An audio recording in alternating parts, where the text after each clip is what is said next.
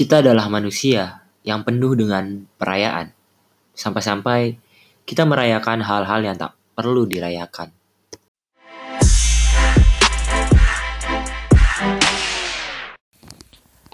Halo, uh, balik lagi di podcast nanti malam.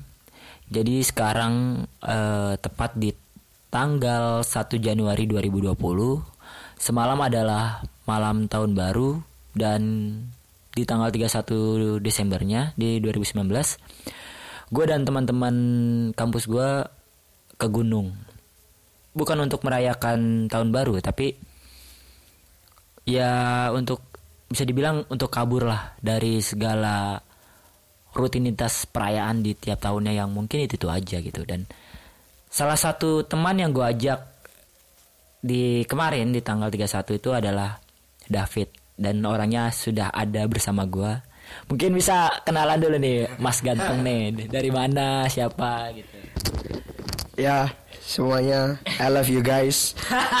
Assalamualaikum warahmatullahi wabarakatuh. Biar terlihat sedikit islami. Jadi saya di sini itu biasa dipanggil David, tapi teman-teman sekampus gitu, sevisip, se sosiologi manggilnya Dev gitu.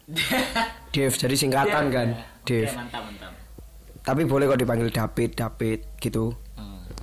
David nih dari mana nih David Asal ya tahu sendirilah, mere- 80% orang sosio bilang dengan sebutan UK. UK UK.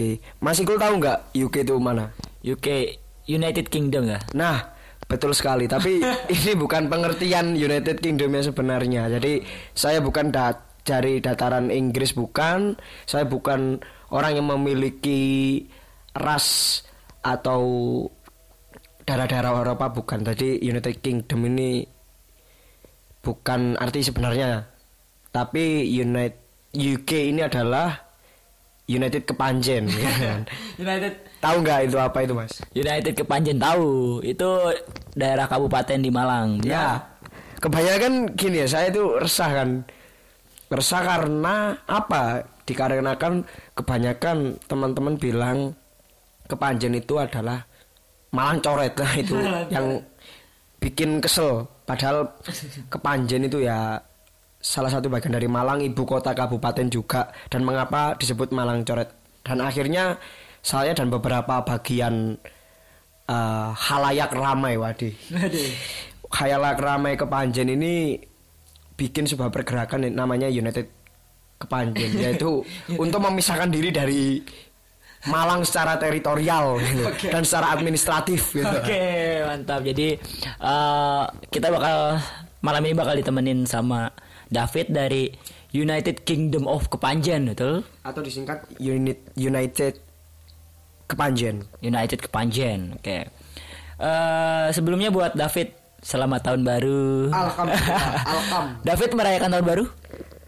Ya gimana ya? Ya merayakan secara aksional itu merayakan sama teman-teman, tapi secara batiniah, waduh, terlalu sosiologis ini. batiniah itu enggak, hati saya enggak merasana, me- merasakan tahun baru karena perasaan saya dari lima tahun belakangan ini cukup stagnan gitu. Kenapa? Eh, apakah David terlalu apa ya maksudnya? Mungkin banyak orang yang eh, melihat bahkan menanti-nantikan tahun baru kan? Iya. Eh, tahun baru itu sering banget dinanti-nanti bahkan sampai ada yang satu keluarga atau satu kelompok atau satu ya berlibur bareng nyawa villa bakar-bakaran dan segala macam. Kadang kalau dilihat ya eh, menurut David sendiri merayakan itu apa sih merayakan? Karena kalau dilihat kita terlalu banyak merayakan sesuatu hal. Betul, manusia itu terlalu foya-foya. Tapi sebelumnya ingin apa ya? Ingin kilas balik dulu. Jadi saya itu pernah kayak merayakan tahun baru bersama keluarga saya sendiri, pergi bersama adik saya, ayah saya atau mama saya pernah. Itu secara aksional saya pernah melakukan kayak kemarin tahun baru 2019 saya bakar-bakar di rumah kolega saya SMA. Tapi kan sebenarnya saya ini ingin menirukan gaya hidup orang Eropa gitu kan mas Aduh orang Eropa ya padahal Ya. emang Eropa kan United Kingdom. sedikit sih Tapi ya enggak lah rek. Jadi ceritanya itu kan anak kepanjen itu iri gitu loh dengan orang Eropa, dengan Amerika gitu. Mereka tahun baru bisa barbecue party dengan daging babi, dengan sirloin, dengan barbecue mereka. Sedangkan kita yalah masak jagung gitu kan. Sebenarnya jagung kalau enggak singkong ya Allah. Jago, gitu. jago itu nandur sendiri, bakar sendiri nih. Jadi jatuhnya itu kayak support petani lokal gitu. Eh, support your apa Ya, farmer, iya. lokal farmer. Oh, jadi kayak kita bikin lokal fest gitu. Lokal fest pride gitu. ya. Ah, ah. Terus balik lagi ya. Jadi esensi merayakan ini.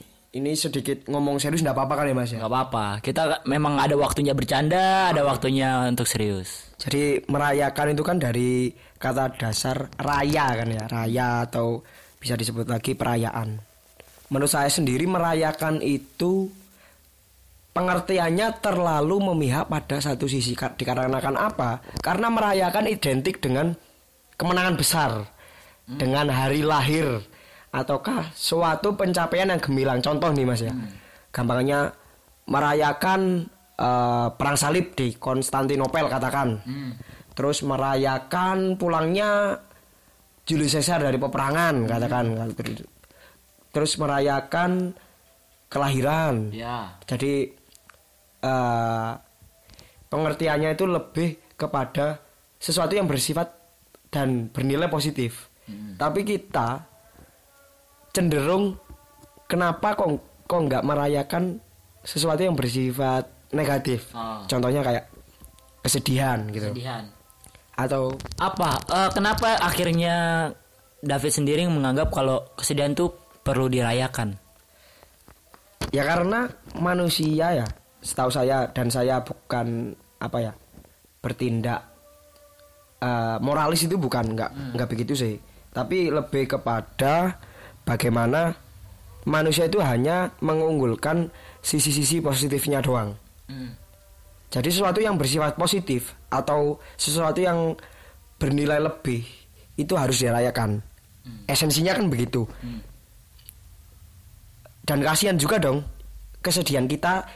Jadi gini mas, menurut saya ya kehidupan itu imbang mas. nggak ada yang namanya kesedihan terus atau kesenangan terus, nggak ada. Ya.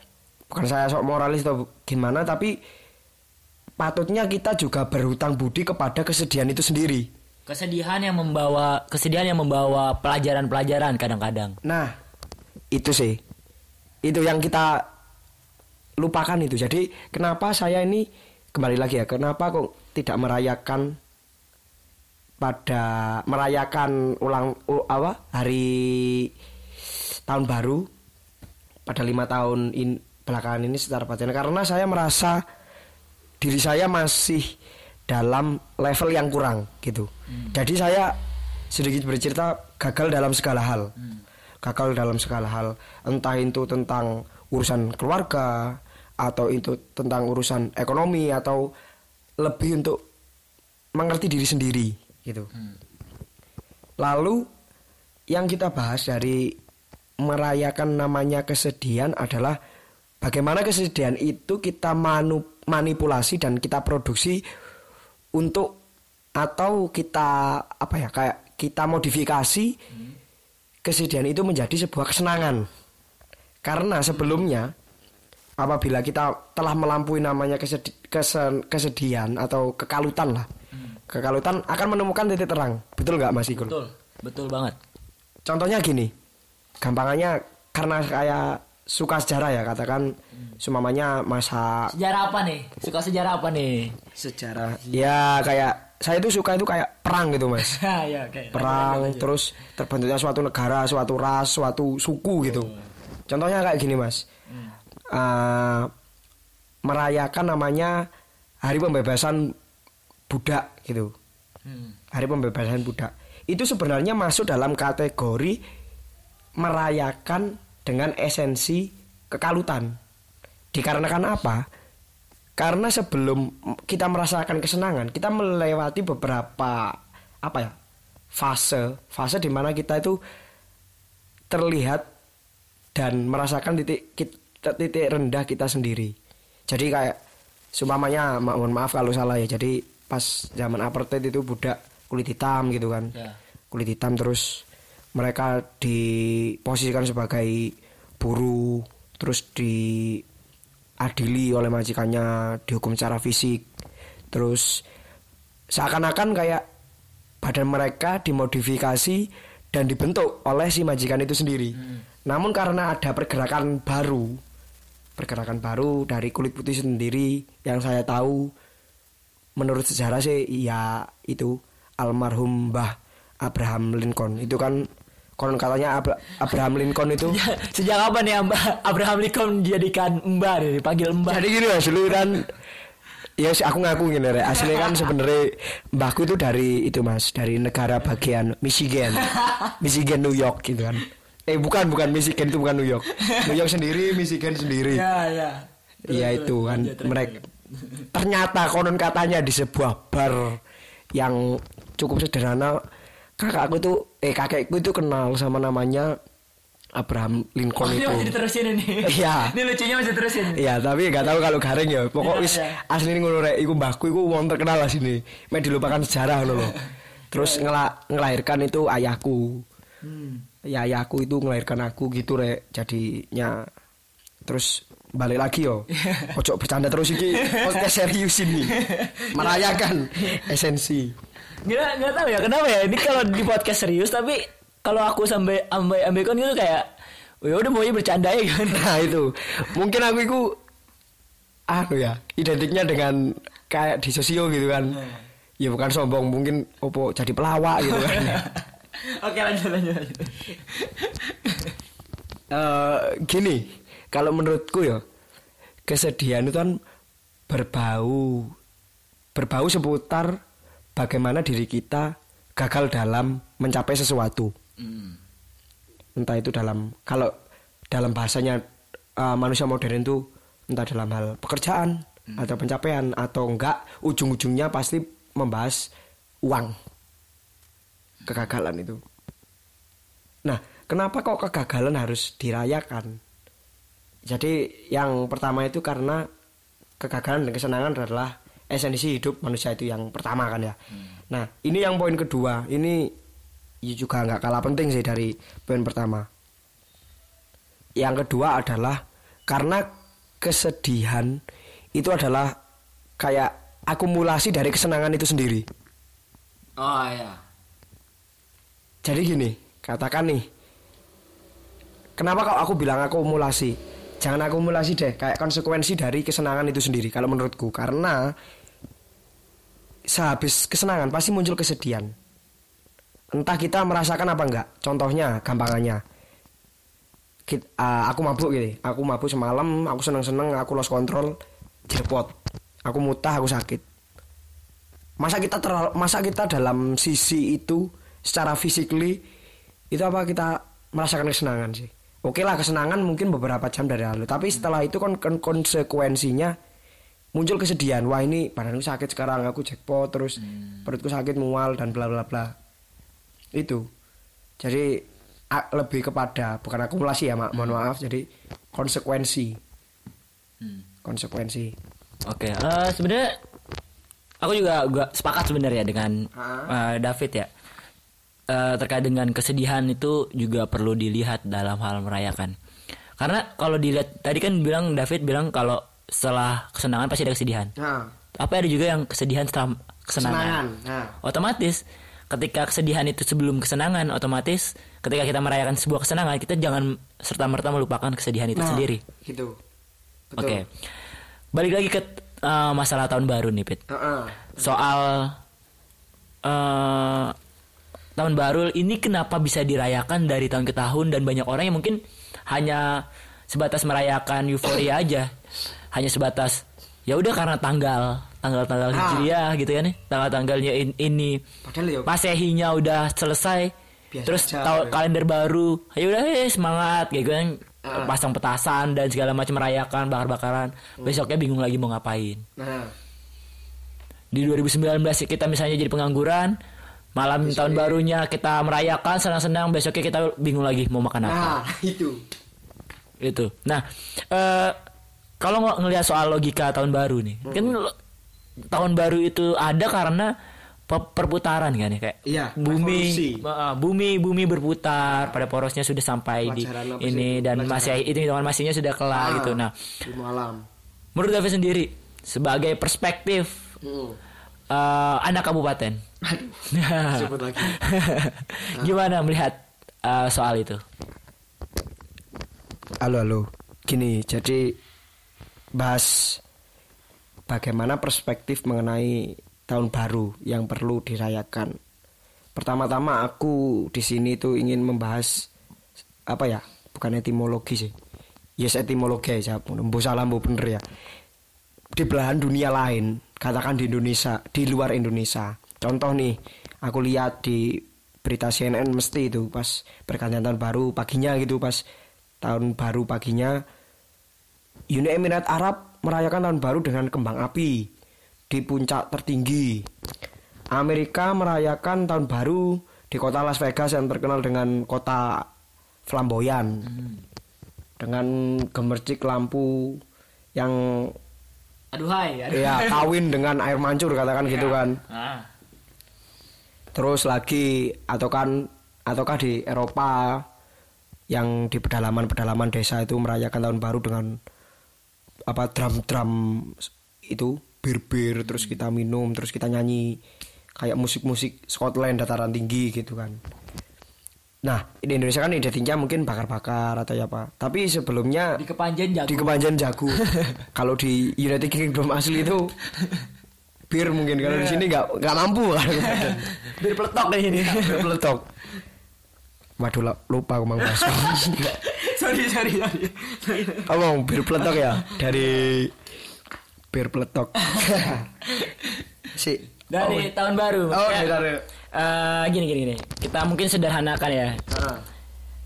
Kalau dari aku sendiri ngelihat eh, sebenarnya dalam merayakan tahun baru itu nggak nggak nggak kenapa nggak fair fair aja gitu. Maksudnya nggak ada salahnya merayakan tahun baru hanya eh, pandangannya itu gimana? Oh, soal ma- ma- manu- manusia. Karena ya itu tadi ya, yang aku garis bawain adalah eh, tahun baru bukan sebatas eh, perayaan menurutku Ah. tapi sebatas s- juga termasuk mengevaluasi diri Itulah kenapa pentingnya angka, hitung-hitungan angka. Nah. Di 2019 kita ngapain aja? Ah. Itu gunanya flashback. Flashback Nah. itu untuk apa?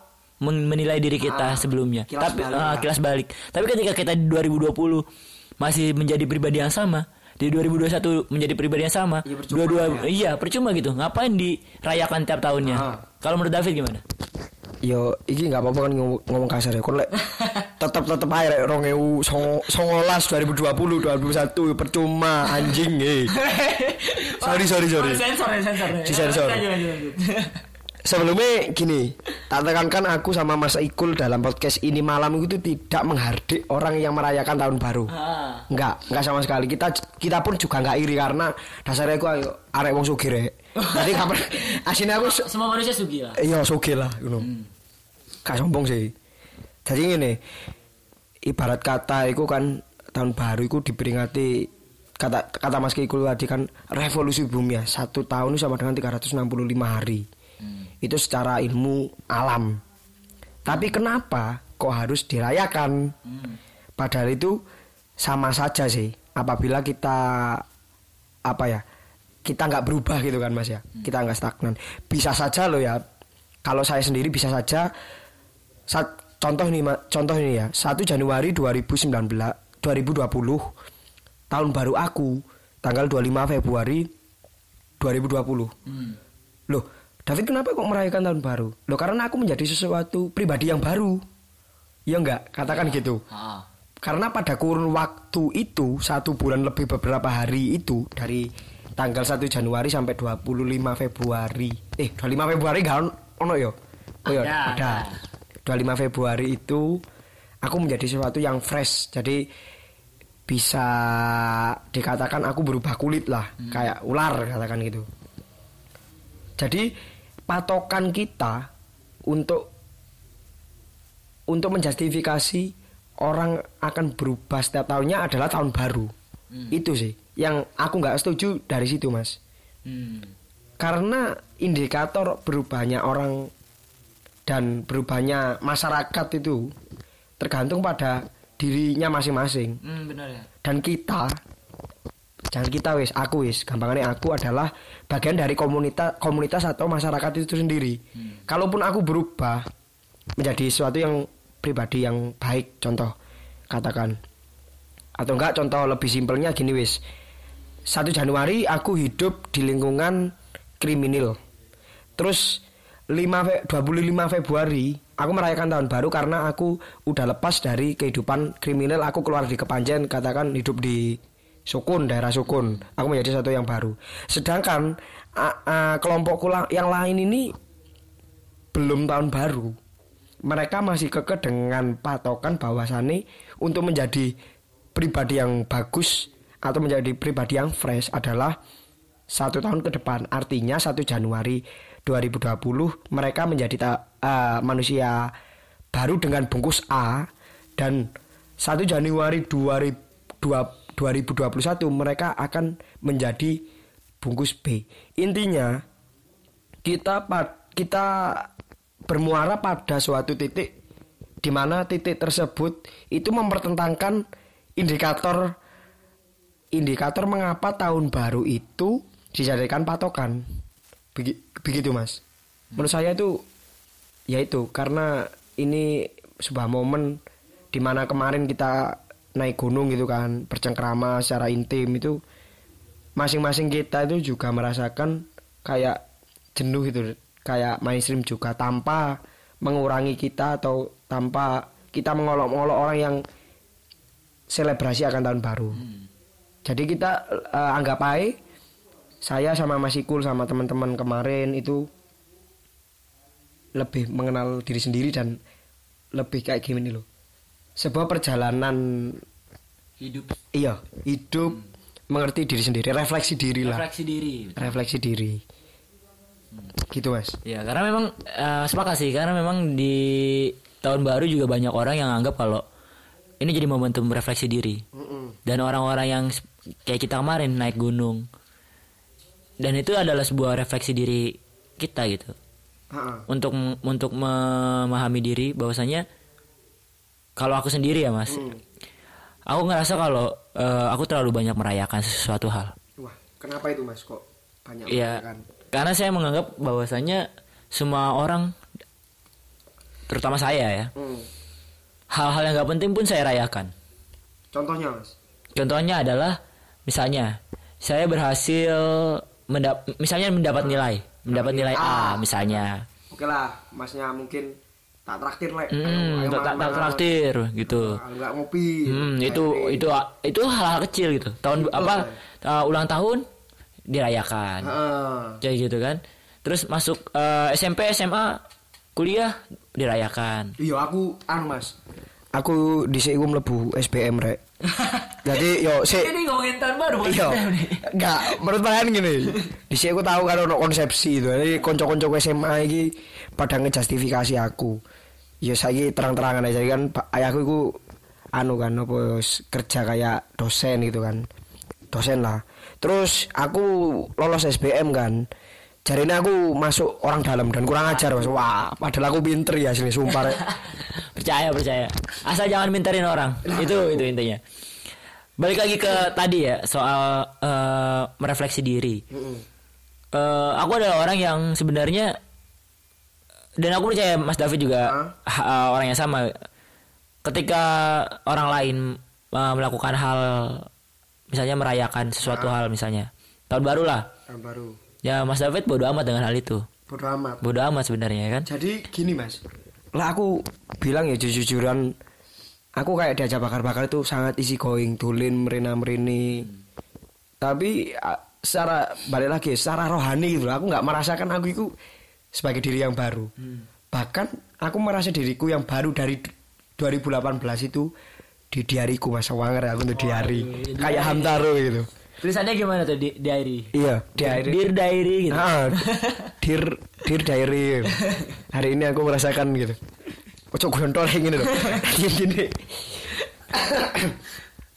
Ah, aku merasa merasakan di ta- di tahun 2018 menjadi pribadi yang baru itu pada tanggal aku masih inget kok 25 Juni 2019 karena ada sesu- sesuatu pencapaian yang asini ojo tak ojo tak omongno ya sono pencapaian yang iku melebihi kapasitasku ngono lho.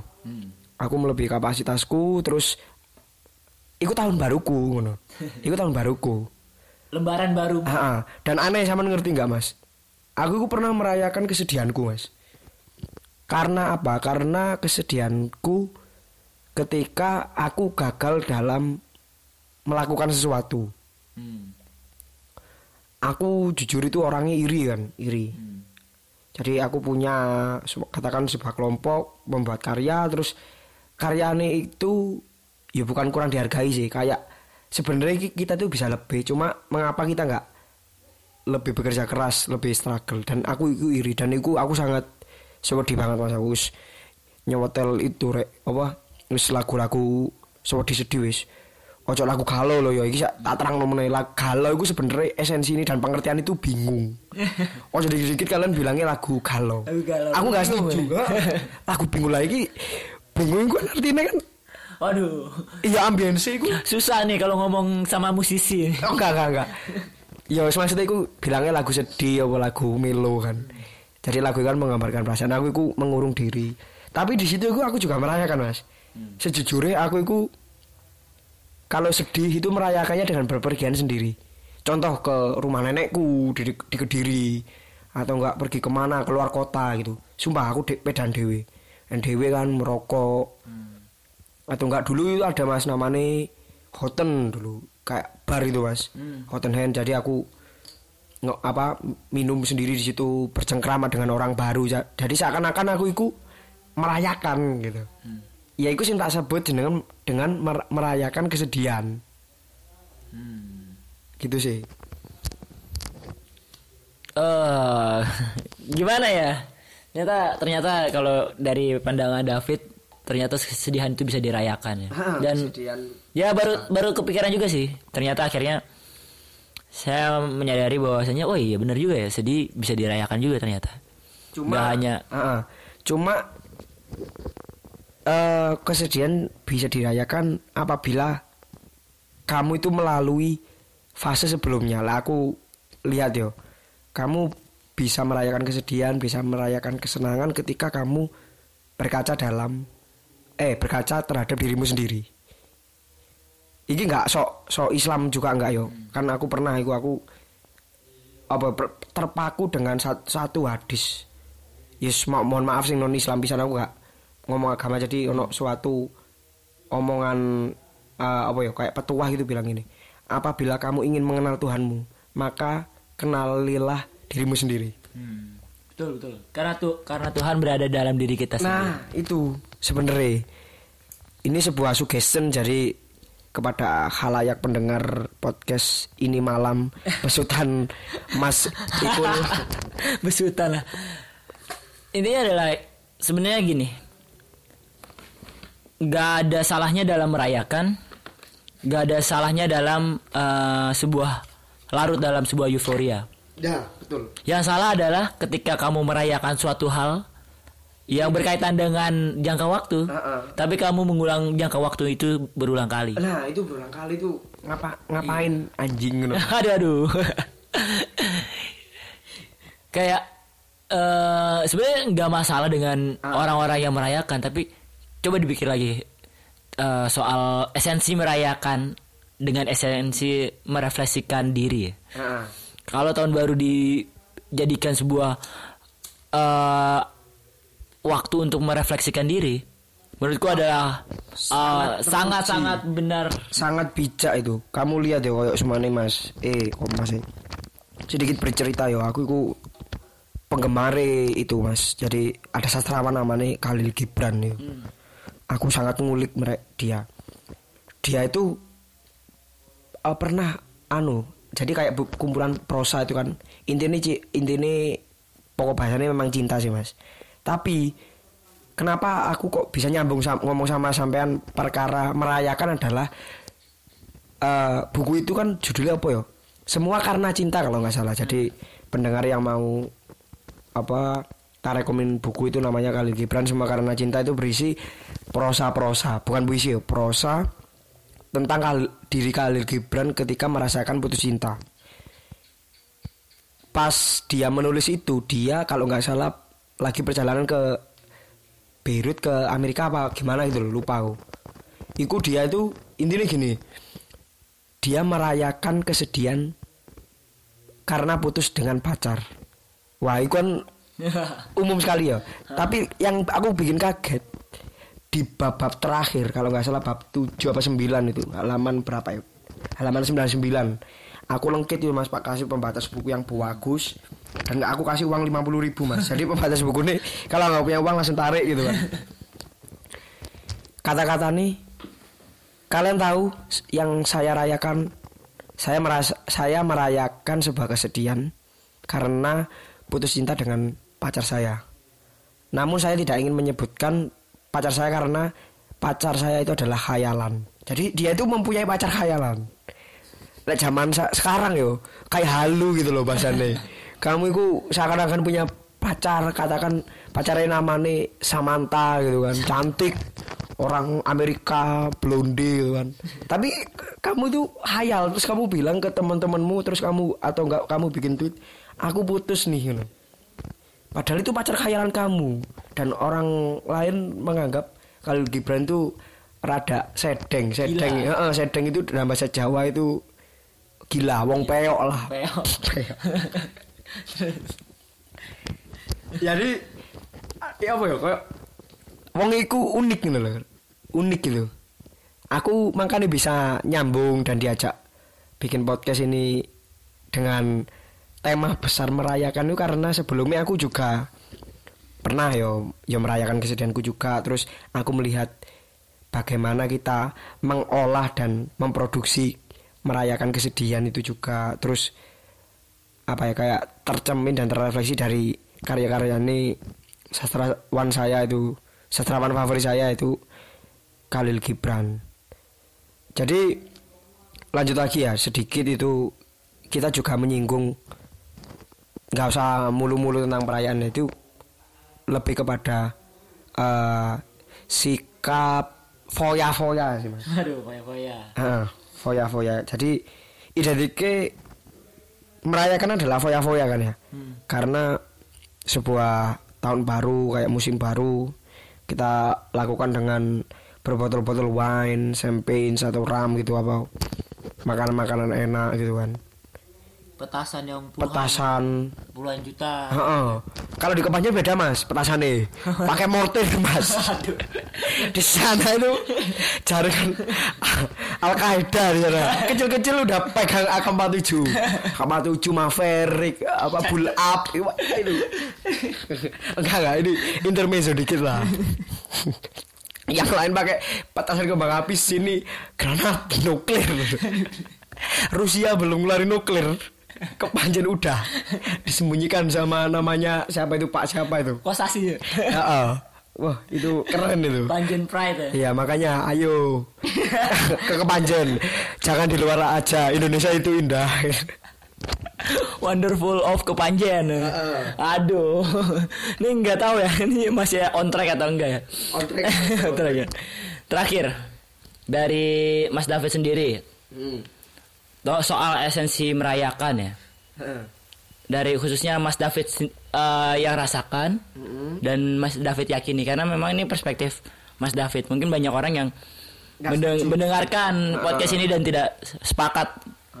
Dan dari saya pribadi mungkin men- uh, menyadari bahwasanya memang saya meyakini hidup ini multi perspektif. Oh, iku Mas, iku ngomongani sopo iku? Oh, aduh. Teori ini sopo iku? Lali aku. Aduh, ah, nggak tahu lah saya itu teori-teori yang lupa. Heeh. Intinya adalah eh ini adalah perspektif dari orang-orang yang merayakan tapi tidak tahu merayakan hal apa. Heeh, Nah, betul betul. Kalau dari Mas David sendiri, tahun baru untuk Mas David sendiri eh, seperti apa? Eh esensinya atau apa pun itu pandangan tentang tahun baru. Sik tak mikir yo, tiga tiga detik siji loro telu. Tahun baru adalah berjalan di atas kesenangan semu halayak. Woi. Bahasanya puitis ya, tapi yang boy wis. aku nggak nggak tipu rek yo jadi eh balik lah wah ini kita terlalu banyak menggunakan kata-kata perayaan yo jadi dari skripsi ku harus dikurangi sebenarnya eh si si tak oleh kata-kata simple kita nggak harus jadi halayak atau jadi arus utama dalam sebuah lifestyle gitu loh. Tapi sebelum kita terjun pada kehidupan yang sebenarnya atau kan atau enggak gini loh. Kayak kita menjadi bagian dari lifestyle itu sendiri. Akankah lebih baiknya, lebih bijaknya untuk mengenal diri sendiri? Agar apa? Agar hidup itu enggak sia-sia gitu loh meskipun kita yes kon nakal kon mabukan opo rampokan opo kok kamu hobinya suka bank robbery gitu kan kayak di Amerika Amerika atau enggak kidnapping enggak apa-apa wis tapi kenalilah dirimu sendiri passion kamu desire kamu di mana jadi ketika kamu mengenal diri kamu sendiri kamu ngerti batas atau limit diri kamu sendiri kamu akan enjoy gitu. Enjoy your life. Terus hidup itu kayak lebih berisi. Meskipun aku ikut terkenalnya senang-senang tok gitu yo. Tapi asini aku aku lek jam rolas bengi yo kayak galau cocok galau lah sedih gitu dan ini rek. Dan ini masih cool yang penting itu ya bukan penting sih aku nggak apa ya aku nggak menjadikan diriku sendiri itu sebagai apa star atau panutan bagi pendengar-pendengar anu enggak aku itu wong biasa rek. Wong alit. Jadi aku sering rek jadi setiap malam yo. Setiap malam terhitung dari tahun 2016 sampai tak sekarang tahun 2020 tiga tahun lebih lah yo. Aku sering itu mas Ikul. Kayak malam itu mikir. Jadi kayak nyawang asbes itu mas Ikul. Nyawang la- apa lihat langit-langit terus kesalahanku hari ini ku apa gitu meskipun aku jarang aku sholat itu jarang. Aku berdoa pun itu jarang meskipun terkadang hanya nih pas di posisi low aku berdoa. Tapi aku sering kok eh, melihat kesalahanku sendiriku di hari pertama yang aku jalani di hari kedua yang aku jalani di hari ketiga yang aku jalani. Jadi katakan semua mas aku pergi ke kampus terus aku disalib iki mas. Pulang ke, ke Banjen misui disalib wong tuwek. Terus aku berkata kasar kok contohnya jancuk kon gitu kan terus aku katakan sumpamane tarung di dalan opo ya apa apa aku dikeplaki. Mun aku mesti mikir mas. Mikir itu bukan perkara aku wah aku jagoan aku tahu menang ini ini enggak itu terlalu kampungan lah. Bagiku itu salah sih. Nah besok eh aku mesti menganggap diriku itu selalu di posisi benar dan salah. Ojo nganggap dirimu benar terus ojo. Menganggap dirimu salah terus. Jadi di hari kedua aku bakalan nggak akan berurusan dengan orang di jalan raya lebih mengindahkan tata tertib. Jadi bagaimanakah kehidupan manusia itu dikatakan berlanjut atau kontinu? Itu adalah intinya dari kita menyambut namanya perayaan. Satu poin yo kontinuitas. Yang kedua hindari kata stagnan. Ojo mikir awakmu wah wis uripku sing ngene-ngene ae sementara ngene dhisik. Ojo iku terlalu apa ya merendahkan dirimu. Jadi untuk orang-orang yang pendengar podcast setia nanti malam ya nanti malam ojo merasa kamu iku merayakan kesedihanmu terus ojo. Kamu gua harus kuat kamu harus apa karena pisau tajam karena diasah ya enggak mas? Betul. dan ingat ya kata-kataku kamu itu meskipun rodok nyelempang didik kamu itu predator puncak dalam suatu tataran apa? Santai. rantai makanan itu. Iya enggak sih manusia itu predator puncak. Kamu itu harus kuat bos. Kamu mengalahkan predator predator ketiga kedua eh ke satu. Ya selanjutnya lah. Heeh, ma- meskipun kamu mati ini bakal dimakan belatung pengurai kapok kon. Kamu itu predator puncak kamu kuat. Dan kamu akan menguatkan sekitarmu itu sih pesanku. Terima kasih Mas David udah mau bertukar pikiran, ya. bertukar cerita di malam ini. Satu hal yang eh, saya pelajari dari perspektifnya dari Mas David bahwasanya merayakan gak hanya sebatas kesenangan, tapi merayakan juga kesedihan juga bisa dirayakan. Betul. Dan dan eh, sebuah apa ya refleksi diri lah soal perayaan. Perayaan bukan hanya sebatas euforia, tapi perayaan adalah sebuah refleksi diri, sebuah eh, pemahaman diri sampai mana kita bisa berubah, sampai mana kita memahami bahwa setelah se- kesenangan yang kita rasakan, setelah keberhasilan yang kita rasakan, sebelum dari kesenangan dan keberhasilan itu ada kesedihan yang Heeh. kita lakukan. itu aja. Sosiologis kok gampangannya ojo, ter- terlalu banyak mengeksternalisasikan dirimu. Tapi internalisasikan dulu. Mbak iku bener apa ora? Tapi aku memahami mesti ngono. Ketika suatu aku suatu saat aku akan apa ya, merayakan atau terjun kepada komunitas atau gambaran suatu masyarakat tertentu, aku akan menginternalisasikan diriku sendiri. Ya wis. Itu dia. Dari Mas David dari United ke Panjen. United Kingdom. ke Kepanjen. Oke. Ke Kepanjen banyak sumber ada wah keren alik lah. Itu tadi dari Mas David. Sampai jumpa di episode selanjutnya di podcast nanti malam.